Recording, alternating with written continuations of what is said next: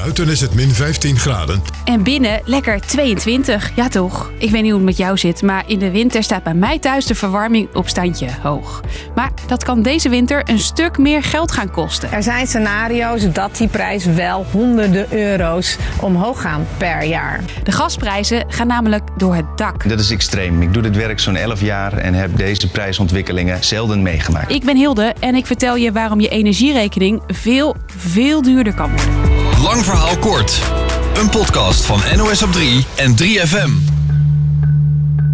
Nog nooit was gas zo duur als nu. Meer dan een euro per verbruikte kuub. Een jaar geleden was dat nog 20 cent. Om een beeld te krijgen, 5 keer 5 minuutjes douchen kost ongeveer 1 kuub gas.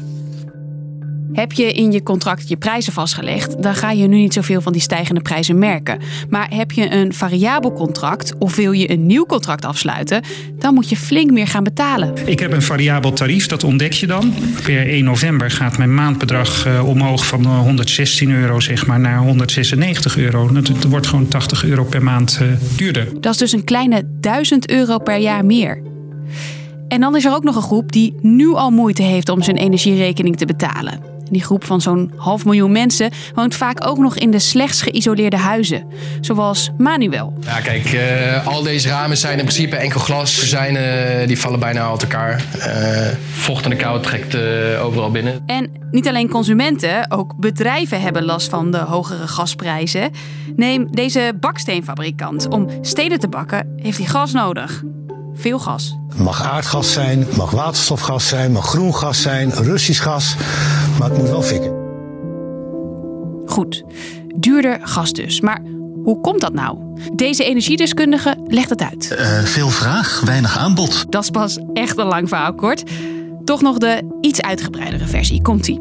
Er is dus weinig aanbod. Daar hadden we in Nederland nooit zoveel last van. Sinds de jaren 60 was het gasveld in Groningen onze belangrijkste bron voor gas. Maar dat boren daar leefde niet alleen gas op. Dan je, voel je alles weer schudden, die bank en zo.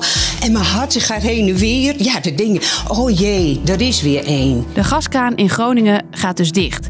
En dus zijn we afhankelijk van andere landen de energiedeskundige nog een keer. We krijgen gas uit allerlei bronnen, uit Noorwegen bijvoorbeeld. Maar als er meer gas geïmporteerd moet worden in Europa, ja, dan kijken we toch vooral naar, uh, naar Rusland. Ja, en die heeft uh, jarenlang uh, dat ook geleverd als er meer vraag was. En nu, dit jaar, doen ze dat niet. Of in ieder geval in beperkte mate. Ja, dat heeft ook grote invloed op de gasprijzen. Rusland levert op dit moment dus een stuk minder gas. En critici vermoeden dat dat is om de druk op te voeren om een nieuwe pijpleiding, de Nord Stream 2 zo snel mogelijk in gebruik te nemen. Maar het Kremlin ontkent.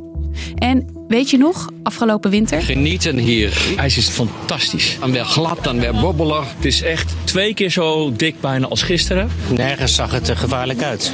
Dat was natuurlijk heel leuk en bijzonder. Veel sneeuw en schaatsen, maar ook koud.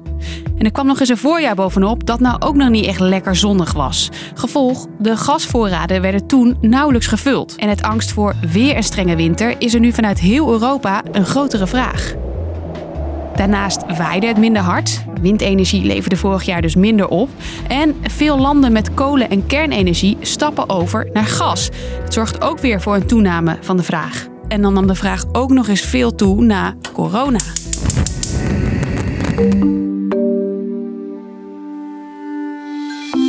Wat nu? Kunnen we hier nog wat aan doen? Nu we niet meer op het gas in Groningen kunnen rekenen, zijn we meer afhankelijk van anderen. Experts zeggen de overheid moet meer controle nemen. Denk toch eens na over lange termijncontracten. Die hebben we in Nederland eh, nauwelijks meer. Eh, in het buitenland is ongeveer ruwweg de helft van de gasvraag afgedekt met eh, lange termijncontracten. Het andere wat echt helpt, zorgt dat de gasopslagen goed gevuld zijn. Het zijn de gasopslagen die ons door de winter heen moeten brengen. De Tweede Kamer vroeg ook om actie en daarop zei de missionair minister Hoekstra dat het kabinet met maatregelen komt om te voorkomen dat de energierekening te veel stijgt. Het is weliswaar een urgent probleem eh, als het gaat om de zeer nabije toekomst. Het is niet een probleem waarvan je de oplossing per se vandaag moet hebben in plaats van volgende week of de week daarna. Eh, omdat het natuurlijk vooral de, de energierekening raakt vanaf het volgende kalenderjaar. En zelf kan je ook wat doen. Denk aan korte douchen, de verwarming uitzetten als je weggaat, toch strips plakken. Maar nog beter, pak het groots aan, zegt deze energiedeskundige. Ik denk dat dit uh, volgens mij voor veel mensen wel een wake-up call is. En dat, uh, dat daarom er nu wel een goed moment is om uh, echt werk te gaan maken van isoleren. Maar tegelijkertijd, dat is niet voor iedereen een optie. Bijvoorbeeld voor huurder Manuel. Die heeft zo zijn eigen oplossingen. Als je gas over de vloer hebt, nou, dan moet je eigenlijk altijd zeggen van... nou, neem even wat lekker kleren, lekker warme kleren mee of extra dekentje En verder duimen voor een beetje zachte winter. Lang verhaal kort. De gasprijzen reizen de pan uit. En dat gaat bijna iedereen merken. We halen bijna geen gas meer uit Groningen. Dus moeten we nu buiten de landsgrenzen shoppen. En daarin zijn we niet alleen. Als het aan experts ligt, moet de nieuwe regering plannen gaan maken om te voorkomen dat we in de toekomst vaker zo weinig voorraad hebben en duur gas moeten shoppen als er veel vraag is. Vond jij dit nou een goede podcast? Abonneer je dan even, dan zit je er deze winter wat podcast betreft tenminste warmpjes bij. Morgen rond 5 uur zijn we er weer. Tot dan!